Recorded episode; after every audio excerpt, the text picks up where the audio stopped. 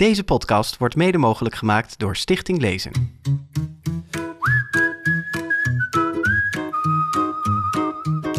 Fijn dat je luistert naar alweer de zevende aflevering van de Grote Vriendelijke Podcast. We gaan het hebben over nieuwe kinderboeken en een lovenswaardig nieuw initiatief.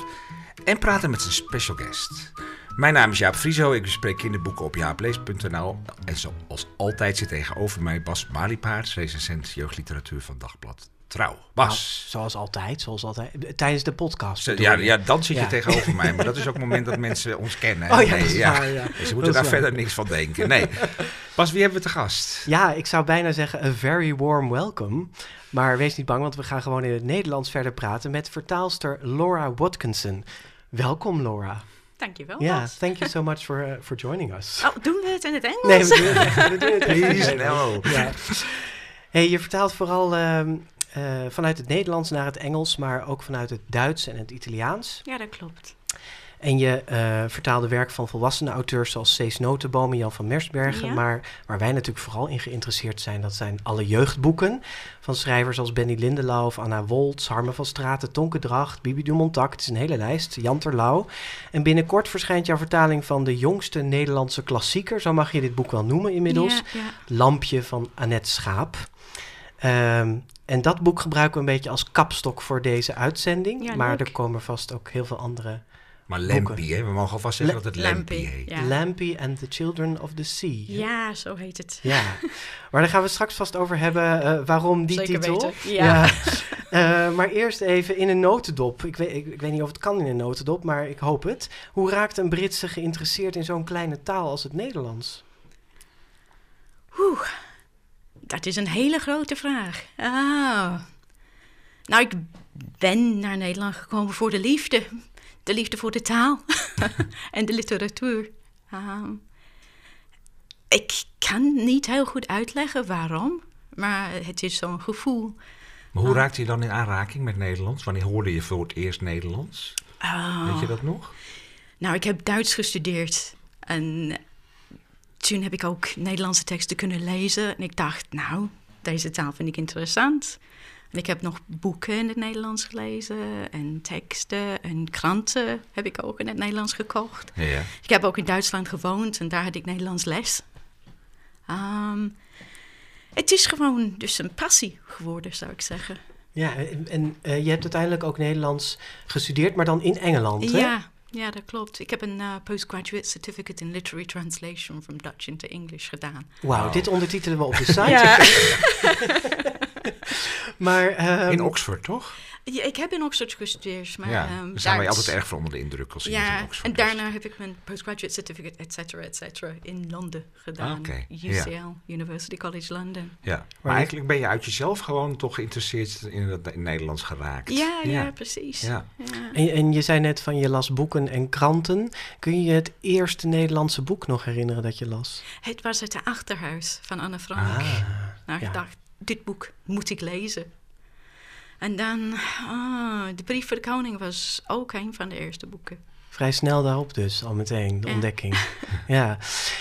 Nou, we zijn natuurlijk heel erg benieuwd hoe het vertalen in zijn werk gaat. eh, maar dat horen we straks. Want we gaan eerst naar de boeken zoals gebruikelijk. En Jaap, jij hebt heel toepasselijk twee Britse klassiekers voor je liggen, maar dan in een Ja. bijzondere vorm. Ja. Ik vind dit heel erg leuk. Dit heet Baby Lit. We kennen wel Chick Lit, hè? dat is eigenlijk zo boeken voor meisjes. Maar dit zijn ook boeken voor baby's. Baby Lit heet het. En het is uit het Engels. Het zijn kartonboekjes. Dat is ook heel leuk. We bespreken hier in de GVP nogal eens Dat kartonboekjes. is toch mijn specialiteit? Ja. ja, maar ik ben toch ook wel dol op kartonboekjes. eh, ik ook. Blijkt, ja. Nou ja, wij kunnen daar als recensenten soms ook wat moeilijker mee uit de voeten. En dan is dat hier heerlijk om, eh, om te bespreken. Wat heb ik meegenomen? Het zijn twee eh, kartonboekjes van uitgeverij Carmijn. Die ze samen met uitgeverij Oogappel uitgeeft. En het eerste boekje heet Trots en Vooroordeel. Hey. Natuurlijk Pride and Prejudice. En eh, nou, een mini, een mini Jane Austen, ja. en een mini eh, Lewis Carroll, Alice in Wonderland. En eh, ze hebben een, een reeks gemaakt. Er zijn er nu twee in het Engels en er zijn er twee van in het Nederlands vertaald. En dat zijn eigenlijk nou ja, volwassen boeken die... Maar toch niet het verhaal? in niet het deze verhaal, nee. Wat ze met Trots en Vooroordeel hebben gedaan is... dat begint, dat is een telboek geworden... en dat begint met één Engels dorpje... twee rijke heren, drie landhuizen. En het leuke is wel dat je bij die twee rijke heren dan onder ziet staan Mr. Bingley en Mr. Darcy. En dan bij vier is het vier huwelijksaanzoeken. En dan zie je ook het huwelijksaanzoek tussen Mr. Darcy en Lizzie. Waarbij ze de eerste keer nee zegt en de tweede keer zegt ze ja. En dan gaat het verder met vijf zusjes en zes paarden en zeven soldaten. En eh, ik vroeg me wel een beetje af of dit boek nou leuker voor de moeders En de Of- vaders. en, de, vaders. en voor de, de liefhebbers van deze serie zijn dan, eh, dan voor de baby's. Hè? Maar het ziet er ook heel mooi uit. Het ziet er heel mooi Ja. uit. Het zijn leuke tekeningen. Het is een, ook geestig gedaan. Die, pa- die paarden kijken heel grappig. Het, het, is, een, het is grappig vorm eh, gegeven. Het is een hele leuke vorm. Kijk, ook als je niks met eh, Pride and Prejudice hebt... of daar ni- niks van dat verhaal kent. Ik ben daar eigenlijk helemaal niet zo in thuis... maar ik weet dan toevallig wel wie Mr. Dorsey eh, is. Hè? En... eh, ja, weet je, dan, en, en je ziet gewoon een te- leuke tekening van zes paarden met een, met een koets. Dus het is een heel aardig telboekje. En het andere van Alice in Wonderland, dat is op kleur gebaseerd. Dus dat begint met wit konijn. Nou ja, dan Ja. zie je het konijn uit en de zwarte schoenen van Alice, waarbij Alice in het Konijnenhol de- verdwijnt. De kop in het konijnenhol Ja. verdwijnt. En eh, nou ja, dat, dat is dus de oranje kat en al die typerende dingen uit Alice in Wonderland, die komen in dat boekje voor. En, ja, Vindt hij van Trots en Voordeel het leukst, moet ik zeggen. Ik Omdat, ook. Ja, omdat Alice in Wonderland, daar heb je natuurlijk ook al veel kinderboekuitgaven van. Ja, En bij... Ja, eh, en dat je een babyboekje hebt van trots en vooroordeel. Gewoon van, dat is gewoon het idee is al zo grappig. En, eh, ik zie iedereen daar een beetje bij verkneukelen. Het is lekker op die Engelse, bijna een beetje truttige manier, als ik dat mag zeggen. Is het, is het vormgegeven met een soort van die behangetjes. En, eh, dus het is gewoon heel eh, lekker. Ja, echt, echt leuke, mooie. En het is een enorme serie, hè? Ik heb er even op zitten Ja. googelen. En er zijn er ontzettend veel van Frankenstein, van Moby Dick, eh, Romeo en Julia. Dus als dit aanslaat in Nederland, dankzij de Grote Vriendelijke Podcast... dan eh, komen er vast nog heel veel naar Nederland. Ja, en dan moeten ze misschien ook van de avonden of zo. Moeten we ook maar Nederlandse Ja, boeken ervan maken. ja. Ja, ja. Een Nederlandse Ja. serie. Ja, ja. Maar ja, de, de vraag is natuurlijk wel hoeveel vormen kun je doen. Een telboekje, een kleurboekje. eh, ja, Ach, dan begin je weer opnieuw met tellen. dat is waar. Ja, ja. Ja. Pas. Ja, dat ben ik. Ja. Ehm, eh, en dat is geen boek, of eigenlijk een, een verzameling van boeken. Want dit is het initiatief waar je al aan refereerde in je opening. Queerboeken.nl. En queer, dat staat hier, eh, is eigenlijk een soort eh paraplu-term voor alle mensen die ehm, lesbisch, homo, transgender of intersex of biseksueel zijn. LGBTQI. Ja, I da- Ja. Het hele alfabet Ja. ongeveer. Ja. Eh, en dit is een initiatief van COC eh, Nederland en de Leescoalitie, samenwerkingsverband van allerlei leesorganisaties in Nederland. En die hebben dit, eh, deze website gelanceerd, queerboeken.nl. Dat is een soort online catalogus waarin allerlei boeken staan, waarin personages die dus LHBTI zijn, een, een hoofdrol of in elk geval een belangrijke rol En dat was spelen. nog niet. Zo'n catalogus was er nog Nee, niet. Je nou, had, best gek, hè? nou ja, je had misschien wel bij de biep kunnen intikken homo en dat je dan een hele lijst met homoboeken kreeg. Maar eh, dit is toch wel van toegevoegde waarde. Ehm, het, is, het gaat om boeken voor de middelbare school. Dus het is eigenlijk een soort van alt, een roze eh, leeslijst, zou je kunnen zeggen. Ja. En eh, de bedoeling, of het, idee hierachter is dat eh, die LHBTI-jongeren makkelijker boeken kunnen vinden eh, waarin zij zichzelf kunnen herkennen. Maar vooral, wat zeg je? Fantastisch. Ja, dat is het zeker. En, eh, maar ook dat jongeren die eh, heteroseksueel zijn, eh, ja, doordat ze deze boeken lezen, zich toch ja, meer kunnen verplaatsen ja, in. Ja, ik denk, hé, vriend Piet heeft net verteld dat hij homo is. En, eh, Precies. Ja, Ja. hoe zit dat Heel mooi. eigenlijk? Dus voor het, voor Ik vind het fantastisch. Ja. Ja, ik, ik had ook heel graag dit eh, in mijn jeugd eh, gehad, zeg maar. Ja. Ik zat inderdaad in de biep, eh dan hadden we nog ineens computers, maar zat je te zoeken naar dit soort Mhm. boeken. Ja. En het is heel fijn om het zo bij elkaar te hebben. Ja, Sta- en het staan is er ook- een beetje de goede boeken op? ook? Jazeker. Eh Pim Lammers die doet de redactie van de site. Eh, we kennen hem als auteur van eh, prentenboeken met name, die ook over deze onderwerpen gaan. Eh, het lammetje dat een varken Ja. is en de boer en de dierenarts, of nee, hoe heet dat boek? Eh, Ja, zo nou, heet het. Zo heet het. Ja. Nou, ze worden in elk geval verliefd op elkaar. Ja. Oh, spoiler. Ehm, maar eh, eh, het is ook heel handig opgezet. Het ziet er mooi uit. Ze hebben filters waarop je kunt, eh, kunt kiezen. Bijvoorbeeld, eh, ik wil boeken over jongen die verliefd wordt op jongens. Of eh, over gender. Je kunt ook kiezen op eh, genre, non-fictie, young adult. Eh, er staan volwassen boeken op, maar ook dus eh, echt boeken die voor jongeren specifiek geschreven zijn.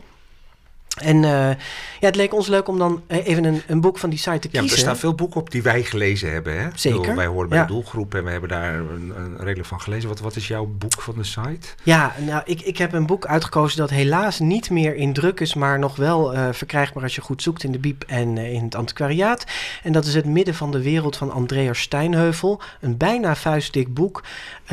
Ik ga hier niet helemaal vertellen waar het over gaat. Dat moet je maar lezen op queerboeken.nl. Maar het is een waanzinnig mooi verhaal. Heel uh, literair geschreven op een bepaalde manier. Maar, uh, en heb jij daar wat aan gehad? Ik las het veel later, toen Ah, ik oké. al uh, Ja. lang breed getrouwd was en Ja, zo. Maar ehm, het, het, is een, het is een prachtig verhaal, wat echt nodig herdrukt moet worden. Ken jij het, Laura? Nee, Nee. Nee. Eh, zit en er trouwens. ja, het ziet er heel, ook. de- deze uitgave, er zijn meerdere uitgaven van, maar deze ziet er mooi uit, inderdaad. Eh, maar lees even op queerboeken.nl eh, waar dit boek over gaat en probeer het te vinden. Want het is ja, echt. het is nog wel volop te krijgen op tweedehands Ja, eh, winkeltjes precies. en zo. Ja. ja. En jij hebt ook zoiets gedaan, geloof Ja, ik. hè? nou ja, er, zijn, eh, er staan nu 50 boeken op de lijst, geloof ik, hè, deze lijst. dat gaat groeien. Vier keer per ja, jaar precies. vult Er komen steeds nieuwe aan. bij. En ik had natuurlijk wel boeken waarvan ik dacht, hé, hey, waarom staan die er nou? Er staat bijvoorbeeld niks van Gerard Reven op, wat eigenlijk misschien wel een beetje hoort. En voor mij zijn er wel twee boeken echt vanuit mijn jeugd, waarvan ik, die staan er dus nog niet op. En waarvan ik dacht, Pim, die mogen er volgende keer weer op. Dus één is eh, Peter Pol, een eh, Zweedse schrijver die nu al heel lang niks meer heeft geschreven, maar destijds een aantal boeken, nou, ook heel erg al over gender. Je hebt... eh, eh, e- echt, echt een transseksueel boek heeft hij of meer geschreven. Dit is Jan, mijn vriend. Het is ook een, een boek over een vriendschap waarbij een jongen die eigenlijk niet van zichzelf wist dat hij homo was, ontdekt dat hij verliefd is op, eh, op deze mysterieuze Jan die ineens eh, voorbij komt. Dus Peter Pol, Zweedse schrijver.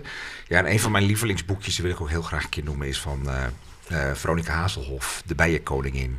is ook zo'n boekje over zijn vrij dun. Zij schreef vooral dunne boekjes. Over drie vrienden en zo'n warme zomer. Eh, en, nou ja, Nou, dan weet je het dan wel. hè? weet je het wel, ja. Dan ontstaan er van. Maar het is ook allemaal zo onuitgesproken. Maar toen ik het las, ja, zat ik ook echt nog wel een beetje daar zo in. Weet je, dat je echt zo herkent van zo, zo gaat dat. Je hebt het nog niet zo met elkaar uitgesproken. Ja. Je weet het van elkaar allemaal niet zo goed. En ja, die sfeer. Dat had Dat ik zit- met de trimbaan van Imme Dros. Ja, Ken je dat? ja. ja. Ja, Ja. er zijn veel van die boeken waarin dat, nou ja, dat is mooi. Maar wel opvallend dat dit allemaal inderdaad boeken zijn die alweer uit druk zijn ge- gegaan. Hè? Ja. Dat niet meer herdrukt worden. Eh, dus wie weet eh, moet er ook maar eens gewoon een, eh, een roze lijst komen die een uitgever ook op de markt ja, gaat brengen. Ja, het zou best een mooi merk zijn, misschien. Ja. Ja. Goed, eh queerboek.nl en we linken natuurlijk door op onze site. Ja, dan heb ik nog weer meegenomen.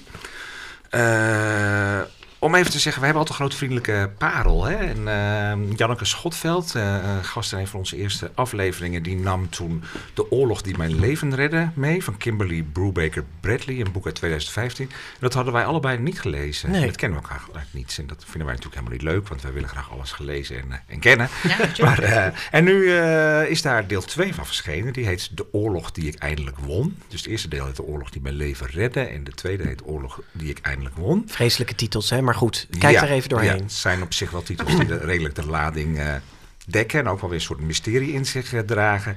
Nou ja, deel 1, ze gaan beide over eh, een meisje. Dat meisje woont in Londen, he- heeft een, een klompvoet. Het is Tweede Wereldoorlog.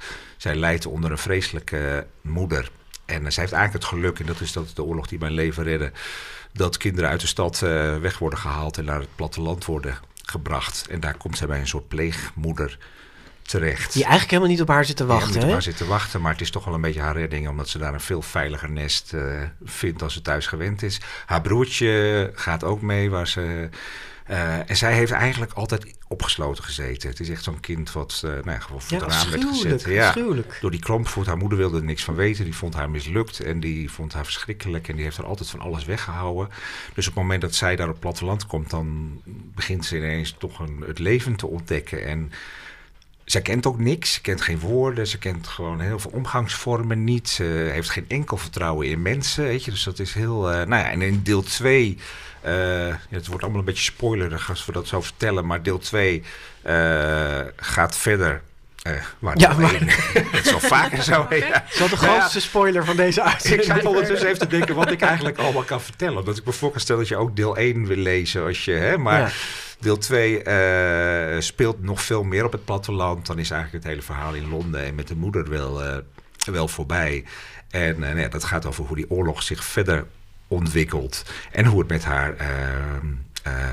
Ja, Haar pleegmoeder, ja. Ja, ja. haar pleegmoeder eigenlijk wat ook wel interessant is, want pleegmoeder leidt eigenlijk ook onder een soort trauma. Die heeft kort daarvoor haar vriendin, dat wordt ook erg in het midden gelaten eh, wat dat is, maar dat Nou. kunnen we ook zelf toch wel min of meer invullen dat daar wel. En, en de schrijfster heeft het, eh, dat las ik op haar website, eh, Kimberly, Brew, Brew- bleh, Kimberly Brubaker Bradley. Die heeft eh, op haar site ook geschreven dat deze pleegmoeder, er wordt haar veel gevraagd van was ze nou lesbisch Ja. of niet. Maar ze zegt ja, ze was lesbisch, dus dat heeft ze ook bevestigd. Ja. Maar ja, in die tijd kwam je daar natuurlijk niet voor uit, dus daarom is het heel erg... Dat eh, vind ik ook heel mooi gedaan. Het, het, het Ja. zit er wel gewoon in. En die kinderen gaan daar ook op een hele mooie manier mee om. En op een gegeven moment zeggen ze ook... We, we hielden ook van Becky. Weet je, Ja. die ze nooit hebben gezien. Ja. Maar die zo'n rol speelt in dat leven.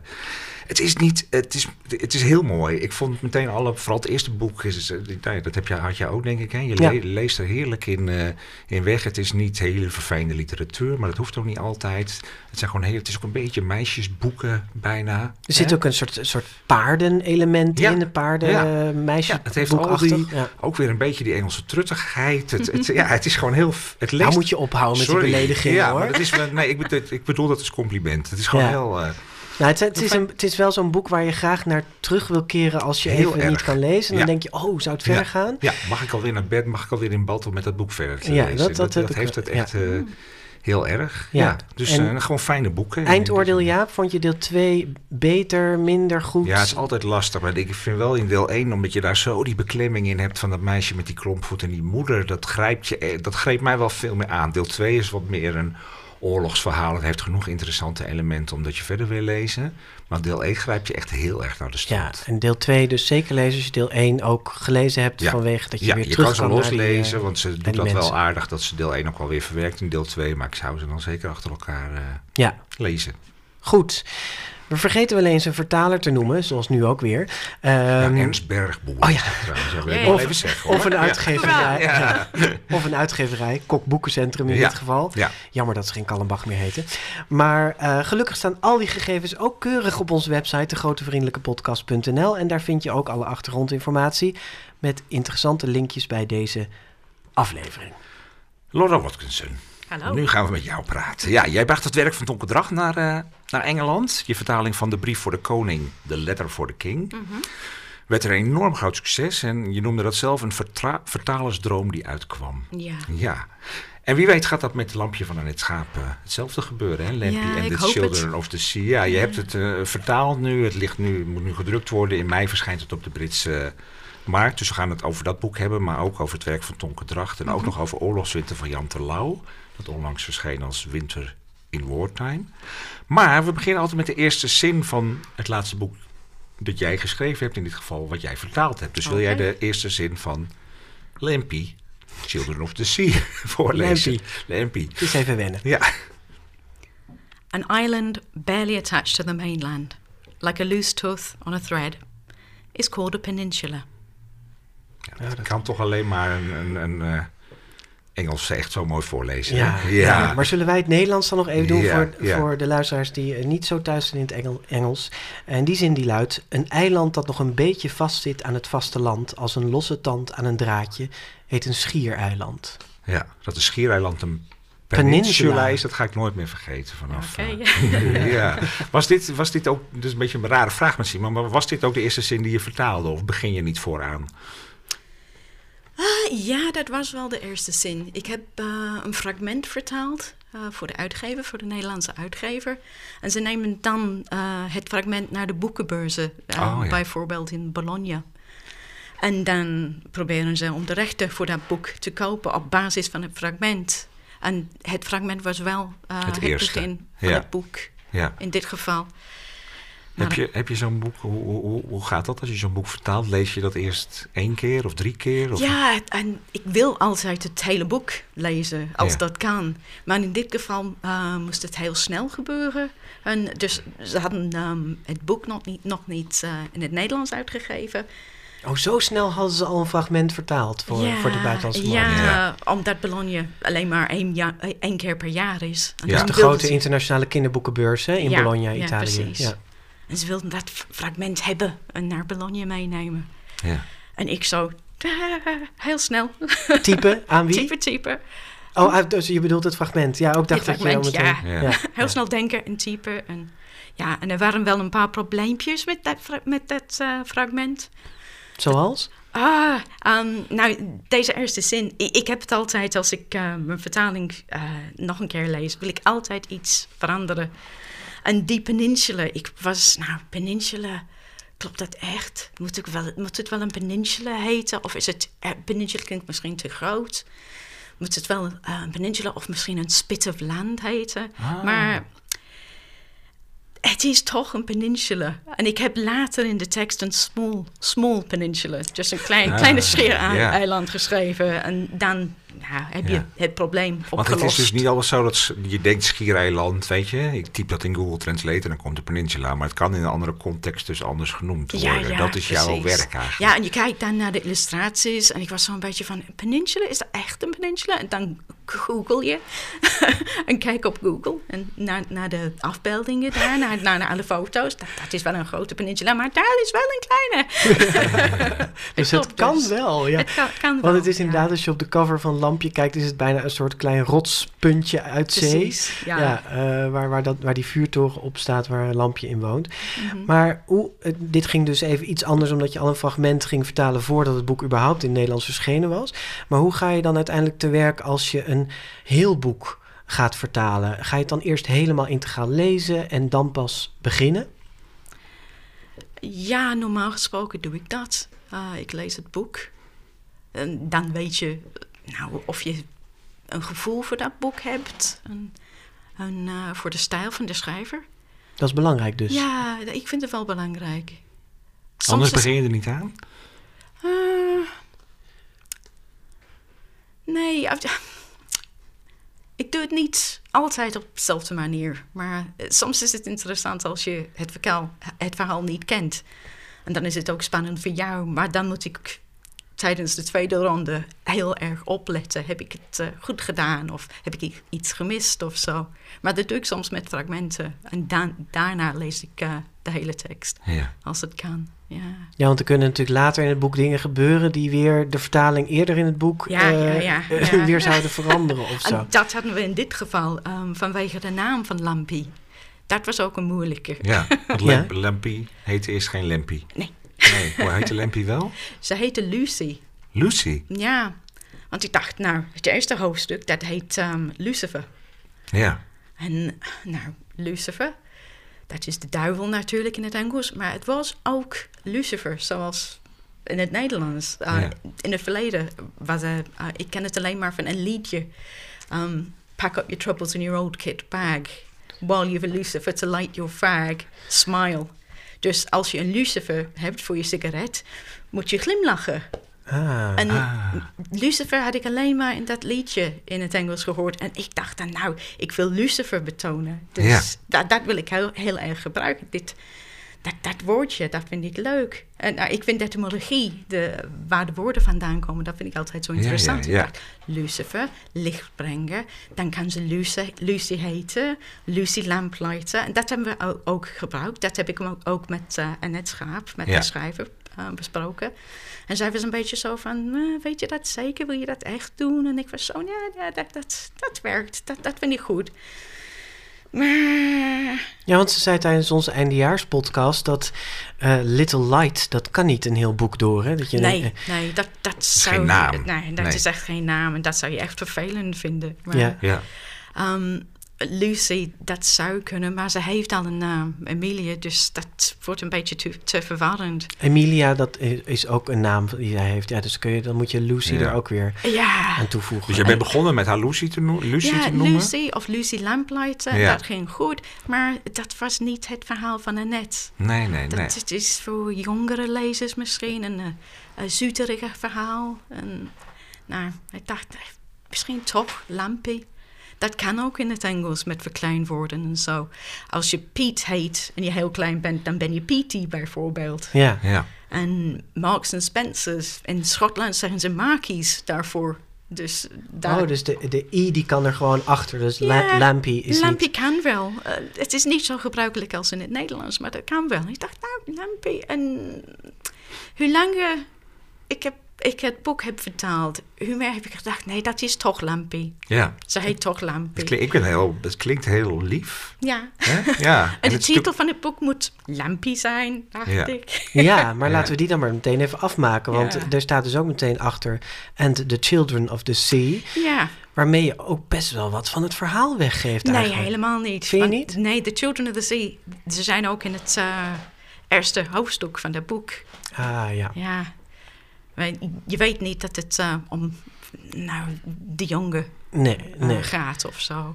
Voor, ja, spoilers. de- nee, ja, goed. Ja. Ik, ik denk dat bijna alle luisteraars het wel gelezen Lampje hebben. heeft iedereen gelezen. Ja. Ja. En anders Er gaan ze dat nu komt inderdaad een jongen in voor die eh, ja, een, een zeemerminnenstaart heeft. Hè? Eh, een zeemermannenstaart.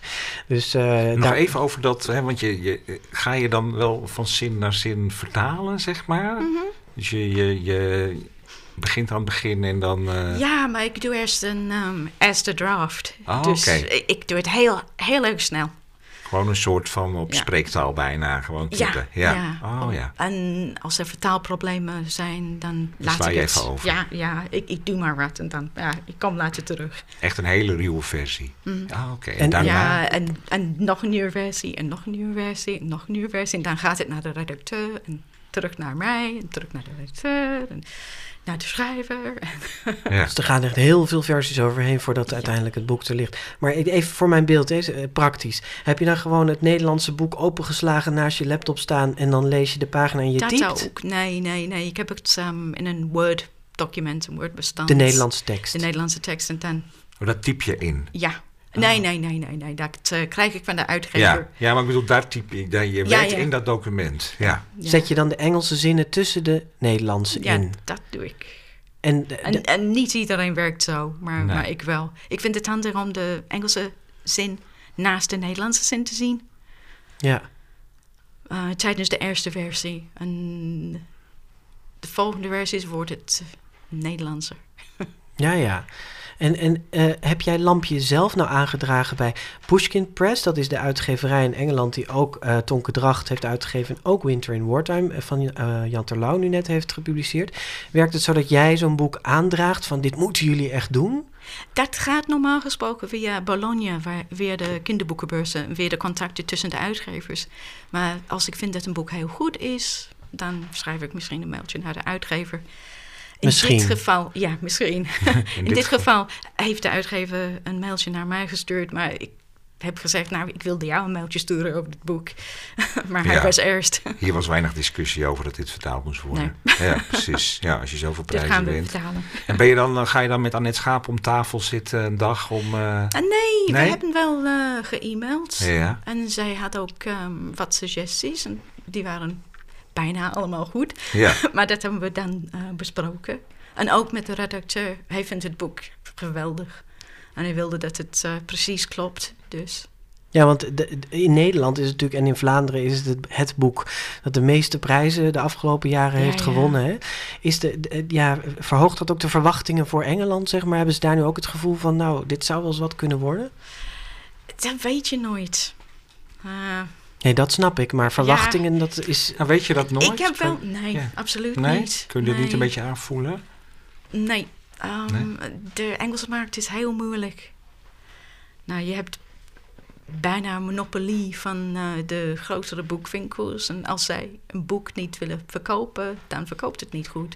Nee. Maar dan heb je toch altijd ook eh, leuke independents. Ehm, kleine De zelfstandige de boekwinkels. zelfstandige Ja. boekwinkels, Maar dan gaat het meer om die boekwinkels. Maar wij vinden, bijna iedereen die dit boek leest, vindt dit een mooi boek. Ja. Waarom zouden die rare Engelsen dat dan geen mooi boek vinden? Omdat ze raar zijn. je weet het nooit. Nee. Nee. Nou, ik hoop het. Maar is er, is er ook nog een... Want de, de Engelse boekenmarkt is, eh, heb ik me laten vertellen, vrij protectionistisch als het gaat om buitenlandse literatuur. Dat ze het minder, niet, niet zo graag vertalen uit het... Eh, Ik zou het niet protectionistisch noemen. Eh, het, het is gewoon een geval van... Nou, we hebben nou zoveel boeken. Waarom waarom nog die domme Nederlandse boeken Ja, erbij? Waarom die vertaalde boeken? En wie wil nu naar een vertaling lezen? Maar ja, als Ja. er zo'n cultuur heerst... Is het zo dat, dat, eh dat Tonke Dracht en het succes van de brief voor de koning... heeft dat de weg een beetje geplaveid? Is, de, is er daardoor meer belangstelling ontstaan voor Nederlandstalige jeugdliteratuur? Dat is een goede vraag. Ehm, nou, als de uitgevers zien, dat is een succes geweest. Er komt nu een eh, serie ehm, op Netflix. Ja, Dat maken ze nu in eh, Praag. En Nieuw-Zeeland hoor. Hè? In Nieuw-Zeeland. ja, van ja. Brief voor de Koning. hè? Ja, Ja. ze waren al in Nieuw-Zeeland. Nu gaan ze naar Praag om ehm, verschillende scènes te filmen. Ja. Ehm, Nou, misschien denken ze, de uitgevers, dit is een goed idee. Ja, ja maar dat... En Misschien dat- moeten wij, wij ook die klassiekers laten vertalen. Maar pff, het heeft zo lang geduurd. Eh, Ja. Weet je, 63 heeft ze dat boek eh, geschreven. En 50 jaar of zo. ja, echt, echt meer dan 50 jaar later Ja, is het pas in het Engels eh, vertaald. Nou ja, dat is ook, we gaan straks nog wel uitgebreider daarover hebben. Maar wat heel raar is, is dat het boek, het boek is echt in heel veel talen vertaald. Behoort bij de meest vertaalde kinderboeken, maar het was dus nooit in het Engels vertaald. Nee, en er waren ook eh, mensen die het boek heel goed vonden. En ze hebben tegen hun uitgevers gezegd, dit moet je laten uitgeven. Maar dat is niet gebeurd. Nee. Er is een eh, grote schrijver eh, in Engeland, Alan Garner. En Tonke Dracht heeft ehm, een boek van hem geïllustreerd. En hij heeft blijkbaar tegen zijn uitgever gezegd: Dit moet je uitgeven. Het is Ja. niet gebeurd. Nee. En wat is dan de verklaring dat het nu... Ja, we gaan nu opeens de brief voor de koning, maar... Pushkin Press. En Pushkin Press is dus een uitgever die de belangstelling... gewoon als enige misschien belangstelling heeft voor de Nederlandse... niet als enige, er zijn wel andere uitgevers. Maar Pushkin Press, nee, hij, hij vindt eh, vertalingen heel interessant. Ja. En ook vertaalde kinderboeken. En jij, je zegt net van, je hebt eigenlijk nou minimaal contact gehad dan met Annette Schaap... Hè, over, eh, over het boek aan de... de Minimaal. een, beetje meer dan minimaal zou ik zeggen. Maar niet persoonlijk. Nee, contact. precies. Je hebt haar niet Ja. ontmoet en eh, noem maar op. Nou ja, goed, wij hebben Annette Schaap wel ontmoet. En wij eh, hebben haar gevraagd om een, eh, een boodschap voor jou in te spreken. Oh jee. Eh, luister even mee. Dan, eh, eh, dan horen we Annette Schaap iets tegen jou zeggen.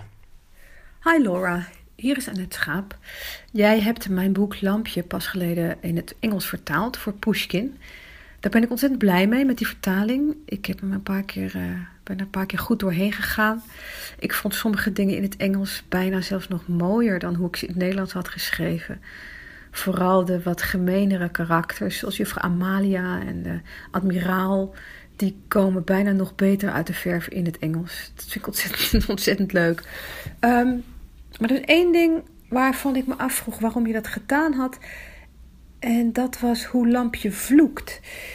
In het Nederlands vloekt ze als er echt iets ergs aan de hand is. Dan vloekt ze eh, zo eh, en dan zegt ze pis en gal. Of pis en gal en kots. En dat heb je vertaald met Blasted Barnacles. Wat in mijn oren echt heel erg iets anders is. Veel meer als een soort cartoonpiratenvloek dan nou ja, die specifieke manier eh, eh, van, van woordkeus van Lampje. Eh, en ik vroeg me af waarom. Waarom had je dat gedaan? Ehm, vond je dat te erg of was het niet Engels genoeg? Ik heb, ik heb er met de editor later ook nog over gepraat. En volgens mij komt het er toch wel min of meer in zoals ik het bedoeld had. Maar dat was mijn vraag. Annette Schaap. Oké, heel ja, mooi. Ja. Ze zeggen dat sommige stukken in het Engels bijna nog mooier zijn in het Nederlands. Vind je dat zelf ook? Oh nee, helemaal niet. Nee? Natuurlijk niet. dat is zo'n mooi boek. Ja. Ja, behalve de vloekwoorden. Ja. nee. ja, laten we even naar die vloekwoorden toe gaan. Het is misschien goed om even daar wat, een dat stukje over voor te lezen. Hè? Dan, eh, als jij, Ja, als dat jij misschien... dat pas in het Nederlands doet en jij vervolgens Laura in het Engels, Ja, dan krijgen we een beeld van hoe dat keel al. vertaald is. Eh, dan ga ik even in het begin in het Nederlands, ja? Wil je nog wat water? vraagt ze. En ze is lampje in dit geval. Wil je nog wat water? vraagt ze. Nee? Ga dan nog even slapen, vis. Ze buigt zich over hem heen om het laken recht te leggen. Ik heet geen vis, krijst hij plotseling. En dan bijt hij in haar pols. Diep. Het bloedt meteen erg en ze struikelt achteruit. Pis en gal, vloekt Lampje. De jongen glipt onder het laken uit en verdwijnt onder het bed. Rotjong, waarom deed je dat? Do you want some more water? She asks. No? Then go back to sleep for a bit, fish. She leans over him to straighten the sheet. My name is not fish! He shrieks, and then he bites into her wrist, deep. The blood comes streaming out, and Lampy stumbles backwards. Piss and bile! curses Lampy. The boy slips out from under the sheet and disappears beneath the bed. Oh, that was mean. Why did you do that? We zaten tegen elkaar op te bieden met... eh, Heerlijk, heerlijk, ja. Ja, uiteindelijk staat er dus nu gewoon pis en gal, piss en bile. Eh, maar eerst had je volgens Annette dus iets anders eh, bedacht. Blis- blistering barnacles, wat was het? Ik was het niet. Oh, was je het Nee, niet? nee. Oh, Onthulling. Schuif het maar van je af.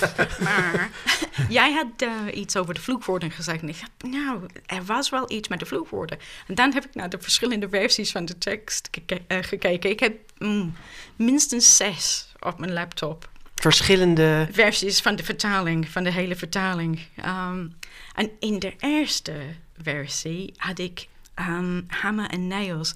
En in sommige gevallen hammer, nails en screws. Maar ik schrijf altijd nou, in de opmerkingen ehm, die bubbeltjes. ehm, Ja, ballonnetjes. toegevoegde Ja, opmerkingen in het document? Toegevoegde opmerkingen in, in mijn document. Ik heb een ehm, noot voor de redacteur geschreven. Dus in het Nederlands is het dit. En dat zou piss and bile zijn. En dat zou ik wel graag willen gebruiken. Maar vind je dat dat kan voor in een Engelstalig kinderboek? Want Vol- ja, volgens mij klinkt het eh, sterker in het Engels dan, het, dan in het Nederlands. Want pis, dat is iets eh, heftigers dus Dat- blijkbaar in ja, het Engels. Ja, dat is echt een vloekwoord. En ik dacht, nou, misschien kan het wel. Ik zou wel willen, maar en ik wilde weten wat de redacteur daarvan dacht. En hij heeft een notitie geschreven. Nou, misschien kun- kunnen we blithering bilge rats daarvan maken. Of blasted bilge rats. Dus uh, verdomde, een bilge, dat is de, ehm, het onderruim van een schip. Mhm. En dan de ratten, dus iets over de ratten in, in het schip. Dat is dus een piraatvloekwoord. Hij zei, misschien kunnen we dat gebruiken. En uh, I'm trying to channel Captain Haddock, perhaps unsuccessfully. Dus Kapitein Haddock van Kuifje. Precies. Want die, die vloekt Ja, inderdaad zo. Ja, hè? Ja, ja. ja. En, en dat, Bommen en granaten. Duizend bommen en ja. granaten Ja. en dat soort... Ja. dat klopt dus, wat je net heeft gezegd. Ja, van die over- over- piratenachtige, ja. ja, over, over de cartoons en zo. Ja. Dus dat is wel kapitein Haddock. Maar wat een dilemma's zijn dit al, zeg. Over gewoon... eh, Over gewoon één... Dat je dan over één zo'n woordje... ja. zes keer een opmerking heen en weer moet sturen. Ja, maar uiteindelijk is, vond de uitgever het dus oké als er toch piss en bile Ja, zou komen en te net staan. heeft gezegd, please, please, please, mag ik piss and bile? en hij was zo van, oké, ja, je mag wel piss and bile hebben. Heerlijk. Maar dan valt me in dit fragment nog weer één dingetje op. Dan staat in het Nederlandse... Rotjong, waarom deed je dat? En jij Mhm. maakt daarvan... Of jij, de vertaalster, maar dan ben jij... ja, ja. Oh, that was mean. Why did you do that? Mhm. Dat is geen rotjong. ja, maar dat, die, dat kan je niet altijd zo letterlijk vertalen. Ja. Rotjong bestaat eigenlijk niet. Is dat een... Je nasty little brat, you rotten little brat. Nou, dat klinkt allemaal zo... Klinkt ook wel leuk hoor. You little bastard. Ja, Nee, dat klinkt allemaal Nee. te sterk of een beetje truttig of zo. ja. Ja, daar, daar gaat het dus heel erg om, hè? Om die soort connotatie die wij dan als Nederlanders bij het Engels misschien niet aanvoelen, Mm, maar die jij wel voelt. Van, oh ja, dat, dat is eigenlijk niet een goed equivalent in het Engels. ja. Ja, heel Heb interessant. jij er soms niet last van? Dan zaten we ons in de voorbereiding een beetje af te vragen. Kijk, als je gewoon naar het Vietnamees vertaalt, dat kent toch niemand? Ja, je, dat zo- klopt. de- jij, Engels is natuurlijk wel een taal die bijna iedereen kent of denkt te kennen. Hè? Dus iedereen zit daar misschien ook meer bovenop. ja. Je knikt heel erg. Ah, ja, Ja. ja. Ehm, soms is dat heel handig. Je krijgt mooie, leuke suggesties van de auteur. En dan kan je vragen, wilde je hier echt nog jong zeggen of zo? Of wilde je meer zo zeggen? Of is het oké als ik dit doe? En dan kunnen ze wel antwoorden. Maar soms heb je ook problemen met... eh, dit gebeurt heel zelden, maar soms heb je problemen met auteurs die zeggen... nee, zo is beter, zo moet je dat doen. Waarom heb je dit gedaan? Bijvoorbeeld in, eh, in een fragmentvertaling had ik... ehm, op de ene pagina half past four geschreven, op de andere pagina half four. En ze kunnen allebei. Ja. En iemand heeft gezegd, waarom heb je dat gedaan? Moest het niet half past four zijn? Ja, Nee, die had zelf op Engelse les geleerd dat het gewoon vast voor moest. Ja. Precies, ja. Ja. Of iemand was zo van, waarom heb je hier bike eh, geschreven? Dat moest bicycle zijn. Oh ja. Ja. En, en dat is er altijd een beetje, beetje pijnlijk. Dat, dat is wel wonderlijk, ja, dat ze jouw Engels toch gaan verbeteren. ja. Ja, en tegelijkertijd kan het inderdaad, lijkt me, ook wel interessante eh, overwegingen opleveren als iemand de taal echt goed kent. Ja, Ja. Hey, ehm, ehm, we hebben het nu eigenlijk even over woorden die, hè, net met rotjong al, eh, woorden die misschien niet zo goed te vertalen zijn in het, eh, in het Engels. Zijn er typisch Nederlandse woorden, eh, dat vroeg een luisteraar eh, zich af, Femke Knoop. Ehm, eh, zijn er typisch Nederlandse woorden die eigenlijk ja, het moeilijkst zijn om te vertalen? er zijn geen onvertaalbare woorden volgens mij. Je, kan, kunt altijd iets uitleggen of zo. Maar er is één woord in het Nederlands uh, waaraan ik een hekel heb. En dat is? Tada, ik doe even- Tromgeroffel? Tadadada. Maakbaar. Maakbaar? Maakbaar. De Heel- maakbare samenleving. Ja, the makeable society. Bestaat dat niet? Nee, absoluut niet. Nee. Het is een Nederlands concept, eh, als je dat zo zegt. Maar er zijn wel opties. Social engineering, dan kan je iets over social engineering zeggen, bijvoorbeeld.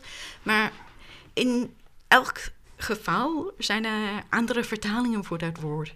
Nou, er lijken me niet heel veel kinderboeken waar het woord zeggen. maakbaar in voorkomt. Nee, nee, dat Die klopt. samenlevingen zijn al lang Daarom maakbaar vertaal ik ook kinderboeken. Ja.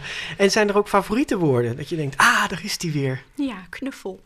Oh, Ik hou van knuffel. en dat of, wordt? Of knuffeltje. Het is eigenlijk in het Engels is het cuddle. Dus bijna hetzelfde. Maar dat knu vind ik eh, zo nou, knuffelig. en zo mooi. Ja, dat vind ik echt, echt een Ah. mooi woord. Knuffeltje. Hey, die namen, daar hadden we het al even over. hè. Hou je in principe altijd de Nederlandse namen aan? Is moeilijker. Ehm, als het iets betekent, wil je dat soms vertalen als het belangrijk is. Maar dat. ehm, Wat bedoel je als het iets betekent? eh, bijvoorbeeld zoals de namen bij Harry Potter.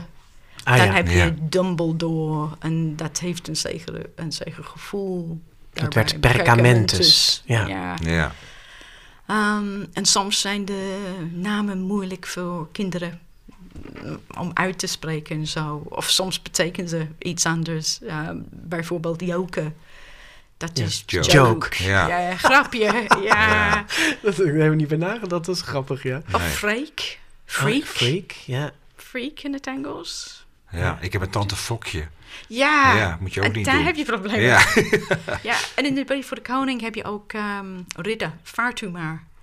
Een in het Engels. Ja. Scheetje. Scheetje. En kinderen moeten het wel herkennen als naam. Hè? Want jij had als voorbeeld Bas over Charlie. eh, Ja, ik heb eh, lang geleden de vertaalster geïnterviewd van de Roald Dahl boeken eh, Oh, ja. naar het Nederlands, Huberte Vriesendorp. En zij vertelde dat zij destijds Charlie and the Chocolate Factory, dat zij daar Shaki en de chocoladefabriek Mm. van heeft gemaakt, omdat de, de naam Charlie op dat moment in Nederland nog helemaal niet eh, ja, in gebruik was. Ja. Dus Nederlandse kinderen die zouden dat niet, ja, dat werd Garly, of Mm. die zouden dat niet kunnen lezen. Dus toen heeft ze er Shaki van gemaakt. En ik kan me dat soort dingen dus inderdaad in het Engels ook wel voorstellen. Ja, ik denk dat het nu makkelijker is. Ehm, in de Zevensprong bijvoorbeeld heb ik eh, Gert-Jan laten staan. Ik dacht, dat spreken ze zeker niet Ger- perfect Gert-Jan, Ger- dat doe ik ook niet. Dus Nou, het klonk heel aardig hoor. In Oorlogswinter heb je bijvoorbeeld niet van Michiel, heb je geen Michael gemaakt. nee, maar dat, dat zou wel kunnen. Maar dat herken je als naam. En, ja, Ja, dan, Dan- mag het ook wel in de Nederlandse setting, want het boek Ja. speelt in Nederland. ja, precies. Nou, is dat ook nog een afweging? Want ik kan me voorstellen dat Lampje, dat heeft eigenlijk een- niet een hele duidelijke setting in een bepaald land. Mm. Eh, dat, het daar, dat je daar makkelijker met de namen kan omspringen dan bij zo'n boek als Oorlogswinter, dat echt in Nederlands ja, decor dat speelt. klopt. Er was wel een eh, Jozef in het boek. En, ehm, in, in de Nederlandse versie... Lampje heb je het nu over? Ja. Ja, ja, ja. Ja, en in, het Nederlands, eh, in de Nederlandse versie ehm, schrijf je dat met eh, Z en F. Mhm. Ja. En dat heb ik ook gedaan. Maar net heeft gezegd, nee, dat schrijf je niet zo in het Engels. En dat hebben we dan Joseph, Joseph, gemaakt. ja, ja, ja. Ja, En dat vind ik ook goed. Heel Ehm, makkelijk. Eh, eh, Jaap begon net even over Oorlogswinter. En nu we het daar toch over hebben, dat is het Mhm. bruggetje naar een volgend fragment. Want ook Jan Terlouw wil jou graag toespreken. Ik ben Jan Terlouw, de schrijver van Oorlogswinter. Een boek dat al zo'n 50 jaar oud is. Het is nu voor de tweede keer vertaald in het Engels door Laura Watkinson. Heel verrassend voor mij dat dat opnieuw is gebeurd. Ik denk dat het een heel mooie vertaling is. Daar kan ik natuurlijk niet echt over oordelen, omdat mijn moederstong natuurlijk Nederlands is. Ik vond het heel interessant om te lezen. En een vraag aan Laura Watkinson is: wat doe je nou als je moet vertalen een Britse piloot die in Nederland zich verborgen houdt en die een beetje Nederlands leert en in mijn boek gebroken Nederlands spreekt? Hoe doe je dat in de vertaling? Dat zou ik leuk vinden om van haar te horen. Ja, Jan Terlouw.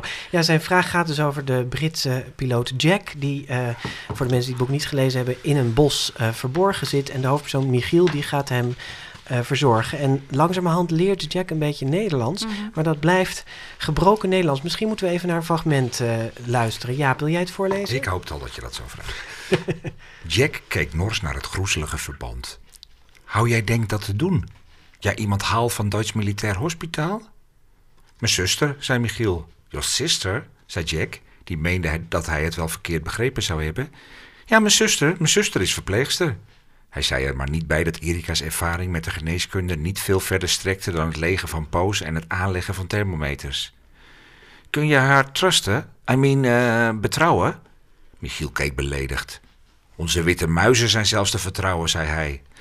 Ik meen, verbeterde Jack, kan zij dragen de, wel, uh, responsibility? Jack glowered at the grubby dressing. How do we do that? Bring doctor from um, Deutsche Army Hospital? My sister, said Michiel. Your sister, said Jack, clearly thinking he had misunderstood. Yes, my sister. She's a nurse. He didn't add that Erica's medical experience didn't extend far beyond emptying chamber pots and inserting thermometers. You can trust her? Michiel looked offended. Yes, of course, he said. I mean, Jack said, can she carry the. what's the word? Responsibility? Ja. Blijft zo fijn. Ja. Worstel je met zo'n passage? Ja, dat is niet makkelijk. Want het is natuurlijk ook dat bizar gegeven. Ook, ja, dat dacht ik ook in het begin. Hoe ga ik dit doen? Ja, maar, maar dit gaat over taal. Dit is, ja. en, en, dan moet je daar met taal weer uitzien te komen. Ja, en hij, hij, hij moet uh, native speaker van het Engels zijn, maar nu spreekt hij gebroken Engels. dat is ook gek, hè? Ja, ja. ja, Want wat is er gebroken aan dit Engels trouwens? Ja, what's the word? Hij zoekt naar het woord responsibility. En heel veel um en ja. ja. Ja, maar je kon dus niet een paar Nederlandse woorden erin zetten. Nee, maar how do we do that? Dat zou je niet zo zeggen. In en, het Engels niet? Nee, nee. En um, clearly thinking it misunderstood. Zoiets moet je, moet je zeggen. Ja, dus je probeert op die manier eigenlijk een beetje aan te geven van hij zoekt naar woorden, hij, ja. Uh, ja, hij ja. hakkelt een beetje. Mm -hmm. Ja, maar waarom was het geen optie om er Nederlandse woorden in te zetten? Nou, waar zou ik dat doen? Ik heb wel Duits hier gedaan. Ja. Dus, um, een Duits woord. Ja. Ja, maar dit is gewoon echt heel erg ingewikkeld. En wat ook opvalt is dat Michiel zegt... zelfs onze witte muizen zijn te vertrouwen. Maar die komt helemaal niet meer terug in jouw vertaling. Nee. Dat is gewoon censuur, Laura. nee, maar vertel waarom niet. Wat, wat, wat is daar je overweging geweest? Uh, nou, ik, ik, wist niet wat het betekent hier. En uh, nou, ik heb wel een paar mensen gevraagd. En zeiden dan ook zo van, nee, dat heb je niet nodig. Dus... Het is ook in Nederlands. Ik vraag me ook af wat ik hier... Niet, ik weet niet of die witte muizen verder een grote rol in het boek spelen. Nee, absoluut niet. Nee, dat was kan een probleem. Niet goed dus nee, dat dan is het wel een dus, beetje gek. Ja, dat heb Toen ik, ik het ook zo voor weer vandaag las, dacht ik ook, dat is best een gek zinnetje. Ja. Het is geen, het is geen uh, een Nederlandse uitdrukking of iets dergelijks, hè? Nee, wij zeggen niet, wij vertrouwen dat wit, dat koppelen we niet aan witte muizen. Nou, we hebben Jan Terlouw er net niet over gehoord, dus uh, ik denk dat hij ermee akkoord is dat dit eruit Ja. is. Maar dat is best wel, doel, je moet ook wel durven om dat soort ingrepen dan te doen. Hè? Druk je Ja. daarmee, heb je ook gevoeld je daarmee dat het een beetje jouw boek wordt? Omdat je er dan dat soort keuzes in maakt? Ja, zeker weten. Dat is ook mijn tekst zo'n beetje. Dus de woorden heb ik geschreven. Het verhaal niet, maar de woorden wel. Ja. Ja, dat is mooi ehm, gezegd, ja. Dat, ja. dat bespreek, ehm, daar spreek je ook met de redacteur over. Dus je hebt zo'n klankbord. En, en Laura, wees eens eerlijk, poets je een Nederlandse tekst wel eens een beetje op? Zeg maar als er stilistische gebreken zijn dat je denkt... Natuurlijk niet, dat doe ik nooit. Er zitten gezichtsuitdrukkingen niet bij, lieve luisteraar. Dat, dat is wat Annette Schaap bedoelde, dat het mooier was in het Engels. Nee.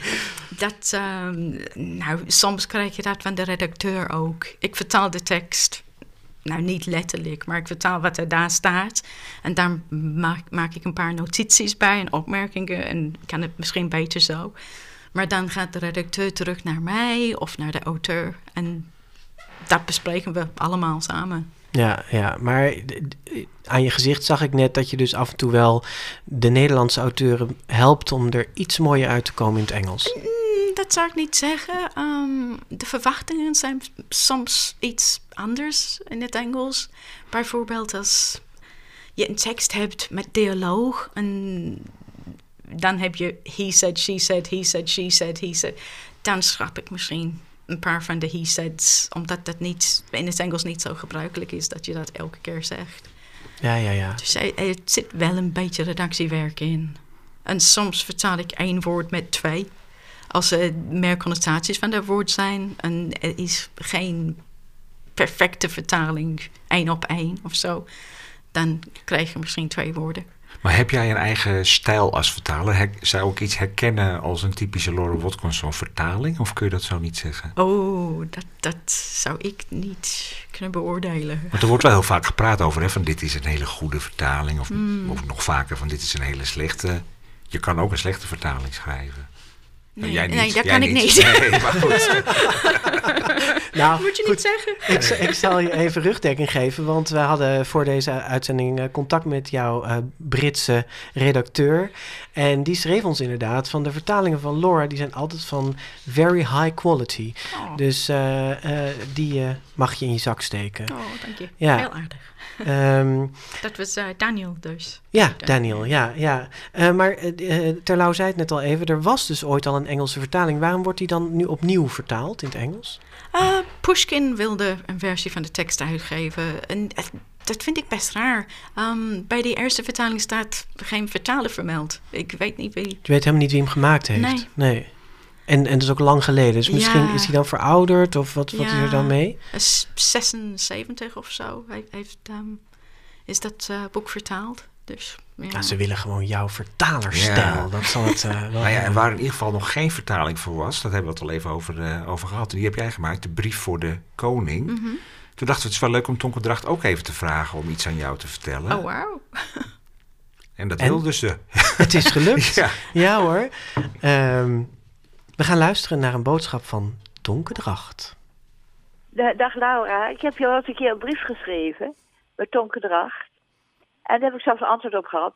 Maar nu mag ik door de uh, telefoon of door de radio via het geluid nog even laten horen. En dan kan ik dus nog eens een keer zeggen dat ik vreselijk blij ben met je vertalingen.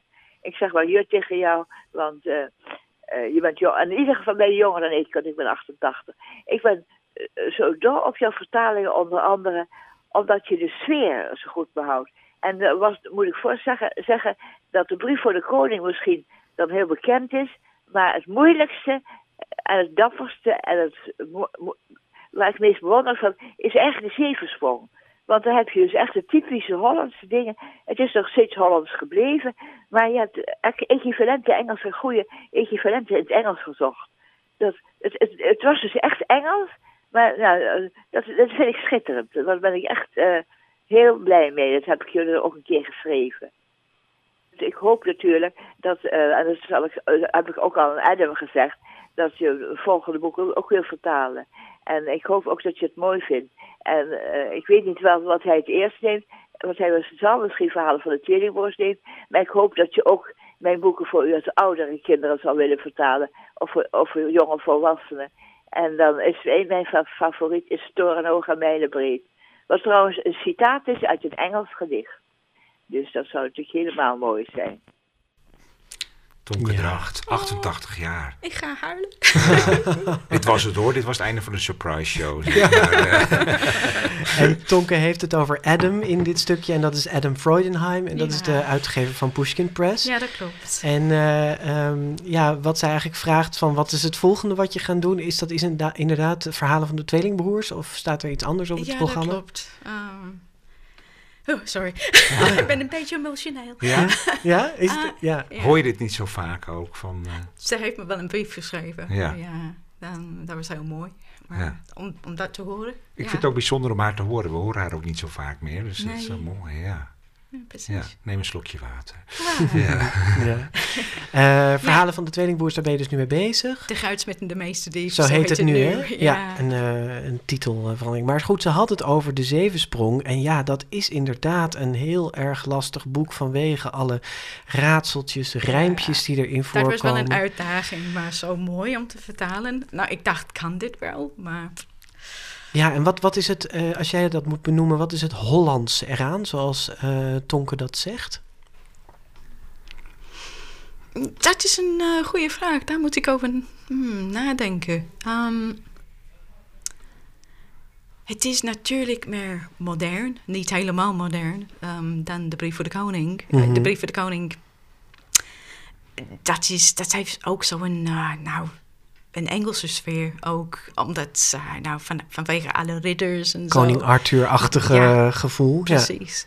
Maar eh, de Zevensprong mm, Nederland van de jaren zestig, ja, dat, dat was moeilijker. Zo'n meester Frans van der Steg. Ja, ja. meneer van der Stug. Ja. Eh, en dan had je alle kinderen die eh, woensdag ehm, middag niet naar school moeten. En of zaterdag wel. En dat moest ik allemaal zo'n beetje uitleggen. Of ja, Want dat is in Engeland dan weer anders natuurlijk. Ja, ja, ja. Ja. ja. Maar goed, het grootste, de grootste uitdaging die zat hem waarschijnlijk dus in al die rijmpjes en versjes die je en moest ook in de titel. Ja, dus, want Ja. de zevensprong, dat refereert natuurlijk los van de wegwijzer die in het boek voorkomt, ook naar het liedje in Nederland. Ja, maar de wegwijzer was ook moeilijk. Omdat eh, dat heb je niet in het Engels. Drie sprong, vier sprong, vijf sprong. Nee? Zo. Nee. Nee, Wat is het geworden? Het zijn altijd crossroads, of het er nou drie Dus of zes zijn- of... al- eh, Als het drie zijn, is dat dan een fork in the road. Mhm. Maar anders, vier plus, allemaal crossroads. En zo had het boek niet kunnen heten, Crossroads. Volgens mij niet, volgens de uitgever wel. Ja, en dat hebben we besproken. Maar jij hebt klaarblijkelijk gewonnen, want het boek heet nu The, Song, of Seven. Ja, En dat is natuurlijk ook wel weer bijzonder, want ja, het liedje van de Zevensprong, hè, heb je wel gehoord van de Zeven de Zeven, mhm. dat is een Nederlands liedje. ja, ja. En ik moest zo'n beetje een, een Engels liedje daarvan maken. Je hebt het wel mooi gedaan. Ik heb, ik heb het uitgeprint meegenomen. Ik, eh dan kan ik het Ja, maar dat, vinden. dat was ook. ehm, nou,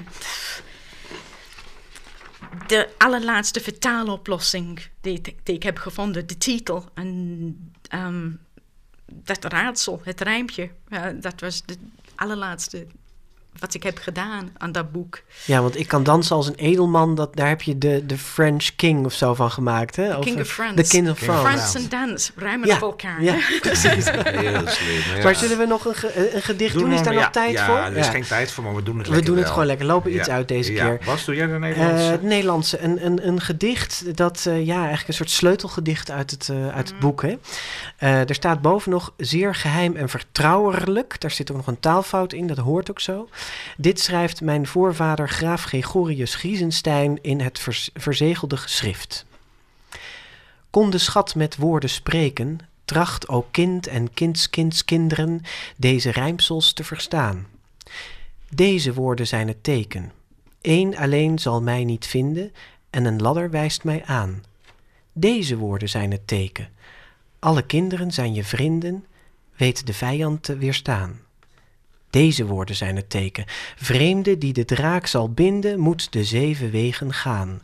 Groenmouw zal de spreuken spreken, groen oog zal de sleutel vinden, groen haar zal de draak verslaan.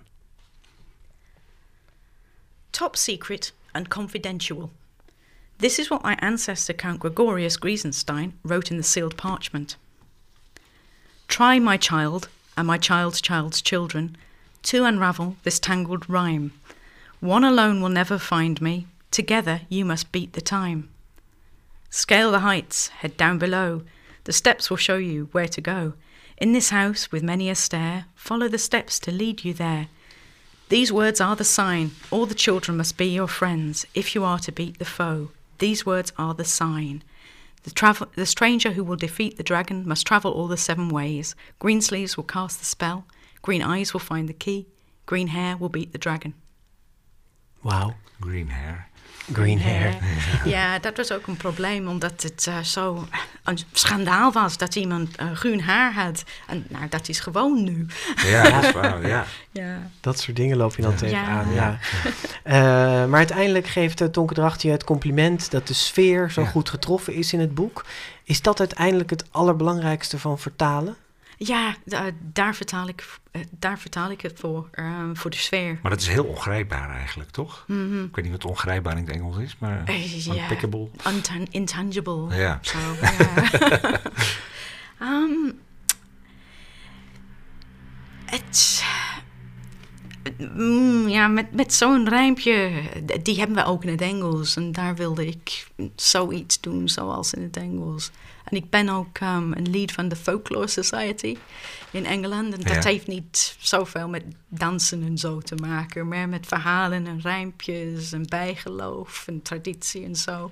En dat soort dingen lees ik best vaak. En Ja. ik- ja, en, en Het moest, dat, het moest die sfeer, sfeer hebben. hebben, ja. ja. precies. Ja. Wauw, nou, ik, ik heb eh, eh, m- op de- met deze gast opnieuw het gevoel Ja, dat we nog weer een uur door kunnen Nou, praten. Dat vind ik alleen maar een goed teken. Hè? En ja. eh, we hebben het niet gezegd, maar we zitten weer in kinderboekwinkel Kiekeboek. En je hoort af en toe een brommer langs uh, chasen hier. Maar wij praten rustig door. Uh, want we hebben ook nog de rubriek. De grote vriendelijke parel. En dat begint ondertussen misschien wel de meest gevarieerde boekenlijst rond het land te worden. De plank met grote vriendelijke parels. Er staat van alles op. En wat voeg jij toe, Laura? Het moet bijna wel uit Engeland komen, toch? Ja, Ja. Eh, het is een boek dat ik eh, als kind heb gelezen. Um, het was echt mijn lievelingsboek. Het heet in het Engels The Little White Horse van Elizabeth Googe. En het is ook in het Nederlands vertaald als uh, Het Witte Paardje. ja, we hebben het hier ook liggen. Je Maar hebt jij echt hebt een hele echt- mooie ja, oude versie. eh, Ja. Want het is uit 1946 al, hè? Ja, Ja. ja. en ik heb een nou, first edition. Ja. Echt een eerste druk is Ja. dit, joh. Met uh, goud uh, druk op de cover Ja. en uh, linnen kaftje. Het is mijn precious. Ja. Het is ook- het, is ook precious. de, het is ook de Precious van J.K. Rowling, eh, Ja, ik. ja. Waar- waarom, waarom is het van jou Precious? Hmm, nou, het is misschien een beetje, eh, nou, een beetje dus ouderwets en zo. En een beetje zuuterig en heel Engels qua sfeer.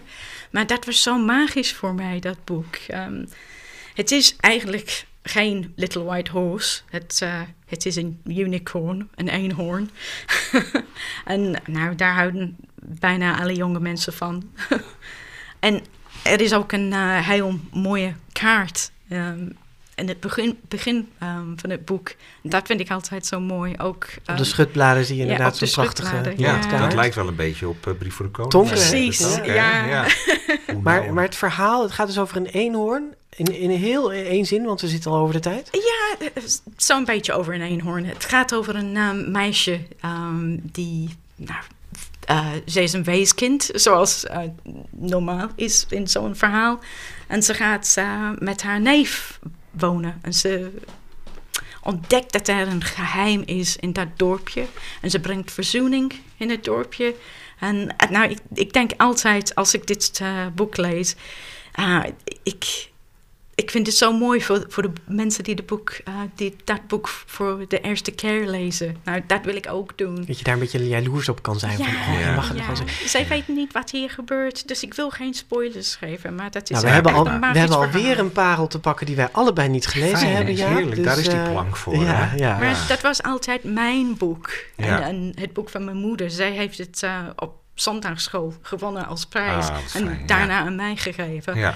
Maar dan heeft J.K. Rowling gezegd dat is haar lievelingsboek. Dus Ja. het is van iedereen nu. We gaan uh, fotootjes van deze mooie uitgave ook even op onze site zetten. Um, oh, en en, we, nog ja? één belangrijke ding. Ik heb vandaag gezien dat de dedicatie in dit boek is voor de illustrator. Dus De, de, eh, de- je bedoelt de, de opdracht- die erin staat. in het boek Ah. ja, is voor de illustrator. De illustraties zijn ook zo mooi. En dat vond de schrijver blijkbaar ook. Dus- Wat mooi. Ja. Ja. We gaan nog naar de laatste zin eh, eh, luisteren van het boek dat jij. het, nieuwste, het nieuwste boek wat jij vertaald hebt, Lampje van Annette Schaap, verschijnt dus 30 mei bij Pushkin Press. Go ahead. It's fine, daddy, she says. And so it is. Ja, en in het Nederlands klinkt die zo. Het is al lang goed, zegt ze. En dat is het ook. En Deze uitzending was ook goed. En dat is het ook. Laura Watkinson, thank you so much. Thank you. being here. Het was bijzonder om een inkijkje te krijgen in jouw manier van werken en, eh, en de vertalingen. En inderdaad, we konden nog lang doorpraten. Misschien doen we dat nog wel eh, een keertje. De vertalingen van Dracht, Terlouw en Schaap die we bespraken... eh, verschijnen dus bij Pushkin eh, En staan ook bij veel kinderboekenwinkels in Nederland gewoon op de plank. Als je luistert en je wilt de GVP steunen, volg ons dan op Twitter, Facebook, Instagram of Goodreads. En vergeet je niet te abonneren in je podcast-app. We worden ook heel blij van sterren en reviews in iTunes. Nou, zeg dat wel. Ja. Op 20 februari 2019 namen we deze podcast op in kinderboekwinkel Kiekeboek. Dus, die ook deze uitgave op de plank heeft staan. Dus kom vooral langs. Aan de Gierstraat in Haarlem. Dank aan onze technicus Mark Brouwer. De volgende aflevering die laat iets langer op zich wachten, Oh. maar niet getreurd. Want als je wilt kun je bij de opname ervan zijn. Live. Ja, we gaan live. En dat is dan niet, helaas niet in kinderboekwinkel Kiekeboek.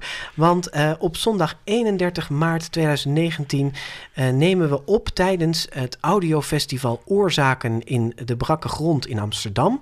Je kunt daar gratis en voor niks meeluisteren in de zaal. Er kunnen wel maar 30 mensen in ja, de zaal. je kan dus geen kaartje kopen. je kunt ook geen kaartje Dus ga kopen. je slaapzakje voor de deur liggen. Precies dat. En het is vroeg. We beginnen al om 10 uur 's ochtends. Wie onze gast is, dat onthullen we later op social media. Eh, en check voor alle informatie over Je kunt gewoon een uitzending van de GVP Ja, precies. bijwonen. Maar Ja. ik was nog aan het zeggen dat check vooral voor alle informatie onze website. Want Ja. dat hadden we nog maar één keer gezegd in deze aflevering, toch? Of zes keer, denk ik. Ja. De grotevriendelijke podcast.nl. We hopen je 31 dan te zien. 31 maart. Tot dan. Tot dan.